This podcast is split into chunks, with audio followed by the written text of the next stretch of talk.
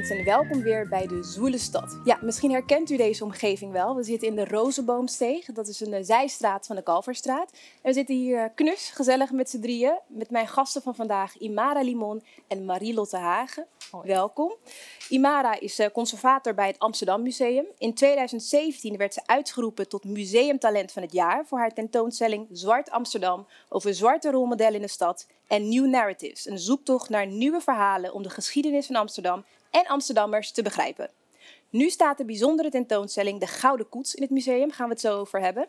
En dan hebben we Marie-Lotte Hagen, oprichter van feministisch intersectioneel podcast en platform Damn Honey, waarmee ze samen met Nidia van Voorthuizen feministische thema's van deze tijd aan de kaak stelt.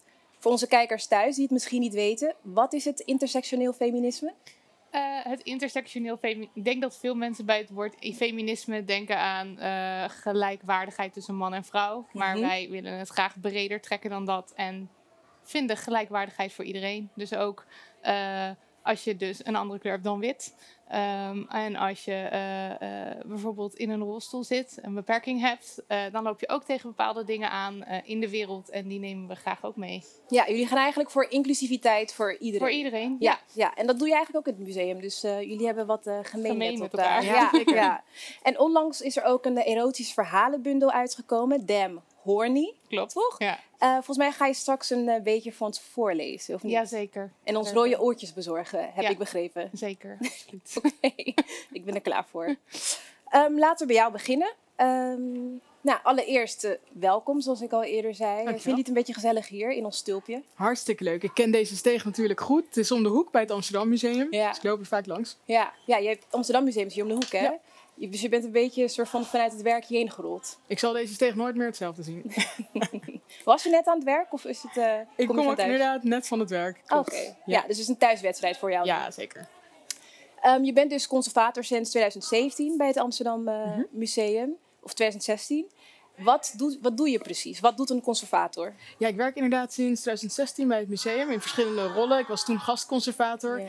En um, je noemde net al Zwart Amsterdam, echt een, uh, een, tentoonstelling die ging over rolmodellen. En een grote vraag daarbij was ook, nu zijn we daarmee bezig, rolmodellen van kleur. En hoe zit het dan in de toekomst? Dus dat is ook een van de redenen waarom ik uh, ben gebleven bij het museum. Omdat ik denk, ja, deze ver versie van inclusie uh, gaat dan over kleur, over achtergrond. Maar er is nog zoveel meer. En het moet een langere termijn iets zijn. Niet iets wat tijdelijk door een gastconservator gedaan wordt. Maar er moet echt vast ook iemand uh, die daar heel veel prioriteit aan geeft. En uh, dat zag ik heel erg bij mezelf. Oké, okay, maar wat, wat houdt dat precies in als je het hebt over rolmodellen van kleur? Wat, uh, wat betekent dat? Ja, dat ging inderdaad over personen, niet tentoonstelling. We vroegen mensen, wat betekent zwart voor jou? Is dat een term die je kent? Is dat een term waar je associaties bij hebt? En wie zijn dan zwarte rolmodellen in Amsterdam of in Nederland? En het bleek toch dat daar nog wel, ja, moesten mensen toch even zoeken. Dus we moesten even denken, ja. wie zijn dat dan? En ken ik er wel genoeg? Um, en wat heeft het met een stadsmuseum te maken? Nou, ik denk dat uh, rolmodellen die staan ook voor cultuur, voor tradities, voor identiteit. Allemaal dingen die mensen in de stad bezighouden. Dat gaat niet alleen over objecten, over spullen die oud zijn, maar juist ook over de verhalen van mensen die ja. al heel lang wonen. Of die juist ook een gedeelde geschiedenis daarmee hebben. Mensen die echt iets voor de stad hebben betekend ja. ook, maar die je niet vaak ziet in het museum. Niet vaak genoeg. En wie nee. zijn dat dan bijvoorbeeld? Nou, geschiedenissen die hier bewaard zijn gebleven, vertegenwoordigd door bijvoorbeeld voorwerpen, maar ook verhalen, foto's, zijn toch vaak de voorwerpen van mensen die veel macht en geld hadden om zichzelf zo te kunnen herinneren, om iets achter te laten, om een schenking te doen aan het museum. Of dat hun bijvoorbeeld een hele grachtenpand, waar ze al uh, in de 19e eeuw woonden, bewaard is gebleven. Maar ja, we hebben nu steeds meer nieuwe buurten in de stad. Er zijn allerlei mensen met migratieachtergronden die hier soms al vier generaties in Nederland wonen. En toch zie je de verhalen nog steeds niet vertegenwoordigd in musea bijvoorbeeld. En musea ja. zijn toch echt een plek waar jongeren naartoe komen uh, om toch iets over zichzelf ook te leren. Dus dan moet je die representatie, die hoort daar ook bij te zitten. En aan welke mensen zou ik dan moeten denken? Aan welke mensen? Nou, denk bijvoorbeeld, we hebben nu laatst gewerkt ook met, een, uh, werk ook met kunstenaars, met uh, kunstenares Chia Ling Hu. En haar familie woont al vier generaties in Nederland. En uh, ze hebben een Chinese migratieachtergrond. En dat is iets wat je eigenlijk helemaal niet ziet in die museumcollectie. We hebben een paar voorwerpen, maar nog niet een hele waslijst. Terwijl Chinese migratie in Amsterdam, bijvoorbeeld aan de Zeedijk hier, dat is zo'n groot en belangrijk verhaal. dat we dat ook meer willen vertegenwoordigen. Dus dat soort mensen denken we aan. Ja, dus je zou kunnen zeggen dat jij als conservator uh, in het Amsterdam Museum erbij bent gekomen ook om nou het breder te trekken, inclusiever te maken. Um, dus de rol ook een beetje anders invult dan, dan dat het voorheen werd gedaan. Klopt dat? Ja, ik denk dat een, een Amsterdam Museum is echt ook een museum wat heel lang al werkt met mensen in de stad en thema's als migratie behandelt. Ehm, en ik denk, ja, dat kan nog net iets meer. En ik denk ook juist door die belichaming van iemand die daar zelf ook uh, geschiedenis in heeft, dat, dat brengt toch iets mee. En dat hadden we nog niet uh, in het museum bij de mensen die met inhoudelijke thema's bezighouden. Nou, is er een verhaal dat jou echt geraakt heeft, waarvan je zegt: Oké, dit zag ik niet in het museum, dit is zo belangrijk dat wij dit nu hierheen hebben gebracht? Uh, ja, nou, ik heb zoveel voorbeelden. Ik denk, nou ja, om even terug te gaan naar het werk van Tjalling. Dat zijn, uh, zij maakte 14 potloodtekeningen, heel gedetailleerd. En zij maakte die tekeningen niet aan de hand van archieven of andere bronnen die bewaard zijn gebleven, maar uit de herinnering van haar familie. En dat zegt zoveel dat niet alles gaat om spullen. Sommige herinneringen zijn niet tastbaar en toch zo belangrijk onderdeel van, van uh, een identiteit. Mm -hmm. Dus dat je dat toch op een bepaalde manier ook zichtbaar kunt maken door bijvoorbeeld hedendaagse kunstenaars te vragen om een, om een werk te maken. Ja, dat grijpt mij wel aan. Want vaak wordt er gezegd, dat hebben we niet. Of het is er niet. Of er zijn geen bronnen. Maar ja, wees iets creatiever en zet bijvoorbeeld makers in om dat toch te vertegenwoordigen. Want het gaat uiteindelijk om verhalen delen en die verbinding toch op die manier kunnen zoeken. Ja, ja. En ken je misschien nog zo'n verhaal uh, van, uh, van die kunstenaar waar je het over hebt? Um, Even denken. Ja, het zijn, het zijn een soort flarden van allemaal herinneringen die je ziet. Nou, wat mij ook aangreep was, um, je ziet ook een schip. Uh, en er zijn dan allemaal mensen in getekend. En dat deed mij natuurlijk gelijk, denk vanuit mijn persoonlijke associatie aan, aan, aan slavernij of uh, transatlantische mensenhandel. En, en zij zei, nee, maar dit heeft te maken ook met een overtocht van, um, moet ik het goed zeggen, van uh, Macau naar Hongkong en uiteindelijk naar Brussel, decennia terug.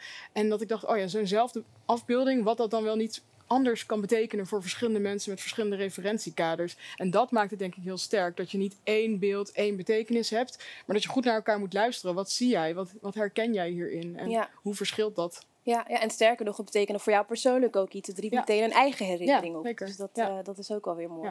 Conservator, is dat iets wat je altijd hebt willen worden? Dat je dacht als kind, uh, ik wil heel graag uh, in het museum gaan werken? Nee, zeker niet. Ik, ik wist lange tijd niet wat het was. ik was ook nooit, nou nooit, misschien niet zo vaak in een museum geweest als kind. Maar ik wist wel dat cultuur, geschiedenis en taal was wat mij aantrok. ik was echt zo iemand die dacht, ik wil van alles worden. Er zijn zoveel opties, wat moet ik kiezen? Uh, maar door kunstgeschiedenis te studeren ben ik er toch wel langzaam ingerold. Door echt te kijken naar kunst en voor wie dan, wat betekent dat dan. Ik had er heel veel vragen bij. En een museum is voor mij een, uh, ja, toch wel een mysterieuze plek. Er wordt betekenis gegeven, betekenis gemaakt. En wie bepaalt dat dan? Dus dat is toch wel een rol waar ik, ja, waarvan ik dacht, nou, ik wil dat ook mee bepalen. Dus ja. zo ben ik dat geworden. Ja, ja, en nu ben jij dat die uh, ja. bepaalt wat er in het museum komt. En gek is, dan geef ik het juist weer uit handen aan mensen die er in de stad wonen en die er veel meer van weten, omdat zij gewoon stadsbewoner zijn. Ja, hartstikke ja. mooi. En uh, Marilot, ik zie je helemaal meeknikken en ja. glimlachen. Ja, ik vind het helemaal leuk. Ja, ja. het lijkt ook een beetje op wat uh, jullie bij uh, Dam Honey ja, doen natuurlijk. Ik, ik hoor veel overeenkomsten ook. Dat je verhalen deelt en dat dat dus, of dat je wilt dat er meer verhalen gedeeld worden en dat dat dus ook iets is wat mensen helpt en wat mensen herkennen en waar ze zich uh, niet alleen doorvoelen bijvoorbeeld. Dat, dat doen wij ook heel erg. Want wat doen jullie uh, precies voor de mensen die niet naar jullie podcast hebben geluisterd? Uh, nou ja, we hebben dus, we noemen het een platform, Damn Honey. En we hebben een tweewekelijkse podcast en, en we schrijven boeken. En ons uitgangspunt in alles wat we doen is zelf weten. Dus kunnen doen waar je zelf zin in hebt. En op het moment dat dat niet zo is, of als mensen uh, bijvoorbeeld schaamte voelen of het idee of ergens tegenaan lopen, of, of als er een taboe om een onderwerp heen hangt, uh, of uh, als je, nou ja, als, als er om wat voor reden dan ook niet zo is dat je kan doen waar je zelf zin in hebt, dan worden wij boos. Ja. dat is een beetje het idee. En dan, maken we, dan gaan we erover praten, maken we er een podcastaflevering over, posten we erover, schrijven we erover. En dan hopen we op die manier dus de boel een beetje open te breken. En ook mensen bewust te maken van uh, de dingen die er aan de hand zijn. En ook dus verhalen te delen. En dat kan heel klein zijn. Bijvoorbeeld uh, taboes rondom menstruatie. Waar ik zelf wel veel last van heb gehad, ook vroeger. Um, en dan dus maar gewoon open praten over uh, de problemen rondom menstruatie. Bijvoorbeeld als je heel erg kramp hebt of pijn hebt. Of dat mensen dan, dat je naar de dokter gaat. En dat de dokter dan zegt, nou... bijt maar gewoon eventjes door, want het hoort erbij bijvoorbeeld. En dat daar altijd een beetje lacherig over gedaan wordt. En dat je daardoor misschien wel schaamt. Of dat je fluisterend vraagt om een tampon of zo. Dat zijn allemaal dingetjes waarvan ik denk, dat houdt mensen tegen en dat wil ik niet. Ja. En dat hield mij ook tegen vroeger. En dat wil ik niet meer. En nu praat je overal dus over menstruatie, overal ook bij over- AT5 gewoon. Precies, gewoon- menstruatie, seks, eh, alles. Ja, over seks gesproken, Precies. want jij hebt iets meegenomen. Mooie bruggetje naar eh, eh, de verhalenbundel Damn Horny. Ja, klopt. En voordat je daar meer over gaat vertellen, denk ik dat het goed is als je gewoon begint. Eh, Ja. Maar ik moet wel een disclaimer meegeven aan eh, degene die thuis meekijken Ja. en die misschien niet zo goed tegen eh, eh, piemels en eh, vagina's kunnen. En Seks en seks en dominantie. expliciete Ja, verhalen. Kan jij dat eh handelen, Imara? Ja, ik, eh, ik was dit niet, eh, ik was hier niet van bewust. Ik denk dat ik even moet opstaan nu. Nou, Ja. kindertjes, oortjes toe. Hij knielde voor het bed, zodat ik hem recht in de ogen keek. En met een ernstig gezicht vroeg hij nogmaals: Vertrouw je me? Ik knikte. Hij zei dat ik goed moest luisteren. Kijk nergens anders naar, alleen naar mij. Begrepen? En terwijl ik voorover lag, voelde ik twee koude handen op mijn billen. Er stond iemand achter me.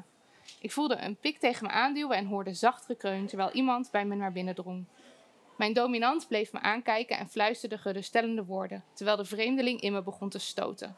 Ik was geboeid, hulpeloos, maar fuck, wat genoot ik ervan. Ik verloor geen moment het oogcontact met mijn dom, terwijl ik zuchtte en kreunde. Het was zo geil om in zijn ogen te kijken terwijl ik geneukt werd door iemand anders. Hij vertelde me dat ik het goed deed, dat hij trots op me was. Ik hoorde de vreemdeling achter me grommen en ik schreeuwde het uit, steeds luider. Het duurde niet lang voordat ik hem voelde klaarkomen. Ik hoorde het ritselen van zijn kleding, gestommel. Ik kreeg weer een koptelefoon op en voelde een goodbye kiss op mijn bil. Mijn dom verwijderde de boeien om mijn polsen en nam me in, mijn armen, in zijn armen. Er was geen spoor van de man, behalve de condoomverpakking op de hoek van het bed. Tada, Oké. dat was hem.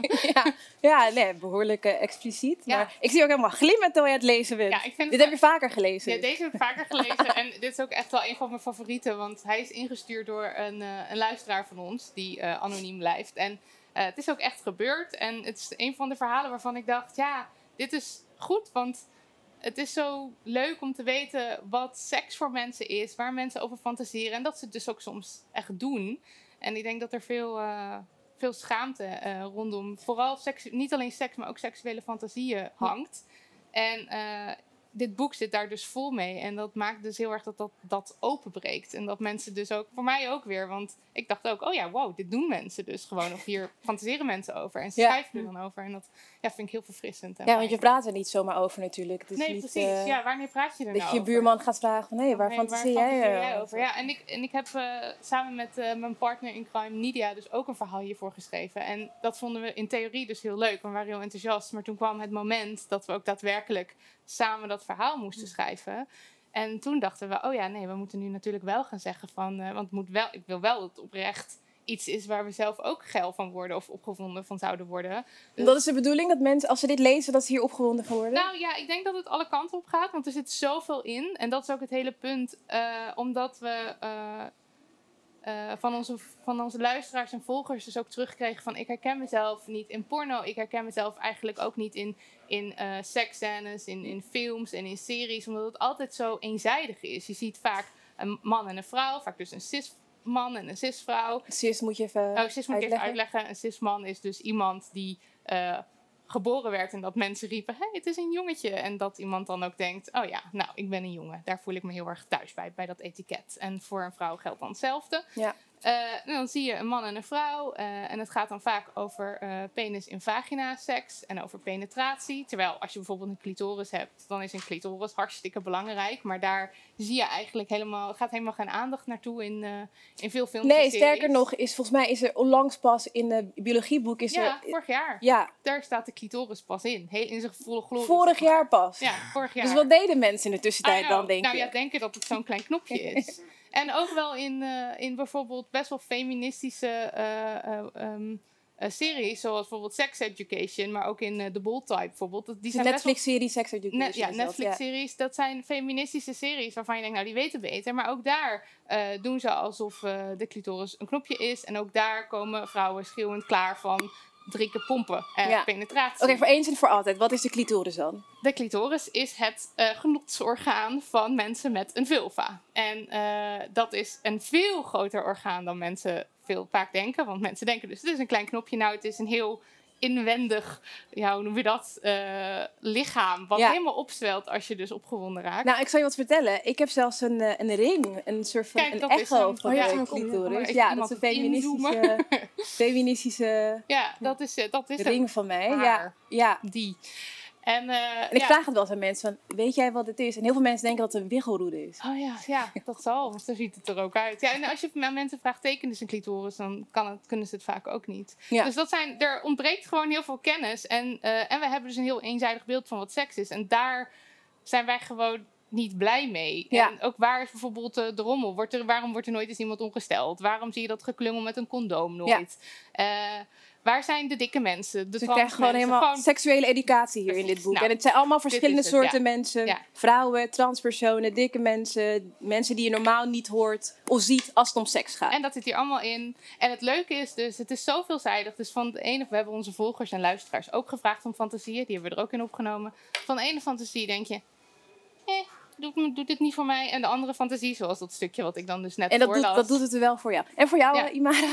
ik zie je een beetje dwaas kijken. Nou ja, ik denk wel dat soms zijn dingen zo eh, onbespreekbaar of ongemakkelijk. En als je dan niet elkaar in de ogen hoeft te kijken en daarover hoeft te hebben, maar je kan het via een verhaal doen, dan kun je zoveel Ja, meer precies, ja. delen. Dan Ja. maakt het gewoon wat makkelijker of zo. Ja, dat, ja, eh, ja. Ja. Om het het op te schrijven. Zou jij, zou jij eh, zo'n verhaal opschrijven? Nou, ik, eerlijk gezegd, ik zou het toch best ongemakkelijk vinden. Ja. Ook voor Ja. jezelf bijvoorbeeld. Want ik, we vonden, als je het dus al voor jezelf doet, is het dus ook al heel erg leuk. Dan hoeft niet Ja. eens iemand het te lezen. Maar weet je, het is een beetje off-topic, maar ik heb mijn eh afstudeerscriptie geschreven over, over schuld, schaamte. En dat ging over sprookjes. En daar kon ik goed over schrijven, omdat ik vond dat sprookjes, die roepen echt iets bij mensen op. Een soort van fundamentele angst om het te vergeten, omdat je dan ergens niet meer bij hoort. Het is je jeugd, het is een, een heel verhaal dat je dat daarbij wilt horen. Maar die concepten van schuld en schaamte heb ik ook gekozen omdat ik eigenlijk wilde schrijven over racisme en uitsluiting, maar dat niet durfde op dat moment, omdat daar gewoon niet zoveel taal voor was Ja. in mijn eh, discours en op mijn opleiding. Dat ik dacht, ik kies hiervoor, want dan heb ik het over hetzelfde. Dan kan ik dat wel delen en uitzoeken. Maar dat is niet, een, eh, eh, niet al te expliciet. Ja, dus je bent al eigenlijk- vorm al heel veel doen. Ja, ja, in je studie via een andere manier met sprookjes Ja. begonnen met taboes doorbreken. Ja, En jullie zijn beide best gedreven, activistisch of nou, maatschappelijk geëngageerd, kan ik dat zo zeggen? Is, is dat ook altijd zo geweest? Dat jullie dachten, we gaan tegen dingen aantrappen en we gaan het anders doen? Of... Eh, bij mij niet echt. Of tenminste, dat is echt iets van de laatste tijd. En eh, dat, ja, ik had vroeger ook best wel veel last eigenlijk van eh, alles waarvan ik dacht dat het moest. Bijvoorbeeld er op een bepaalde manier uitzien. Ik heb wel veel last gehad van het schoonheidsideaal en me niet goed genoeg voelen bijvoorbeeld. En dan daar heel erg aan willen voldoen. En dan eetstoornissen en zo. Dus ik heb juist heel, zoveel last gehad van doen wat er van me verwacht werd in mijn hoofd dat ik daar nu een soort van in retrospect kwaad over ben. En dat andere mensen graag niet, dat ik daar andere mensen daar graag voor wil behoeden. Denk. Ja, je bent Daar aan het inhalen. Weer, ja, daar komt Ja. het eerder vandaan. Ja. Ehm, Imara, jij hebt in het museum de term ehm, de Gouden Eeuw geschrapt. Dat is ook iets wat, weet je, waar je deur voor moet hebben, denk ik. Hoe is dat gegaan? Nou, we hebben besloten dat we inderdaad de term Gouden Eeuw niet meer gebruiken als containerbegrip voor die periode in de geschiedenis. Ehm, en dat komt voort ook uit een, een lange termijn eh, eh, project eigenlijk van samenwerken met mensen, goed luisteren naar wat leeft er in de samenleving, wat vinden mensen belangrijk. En eh, de term Gouden Eeuw heeft zoveel associaties en connotaties met het positieve van de welvaart die Amsterdam heeft gekend en nog steeds kent als nasleep van die Gouden Eeuw.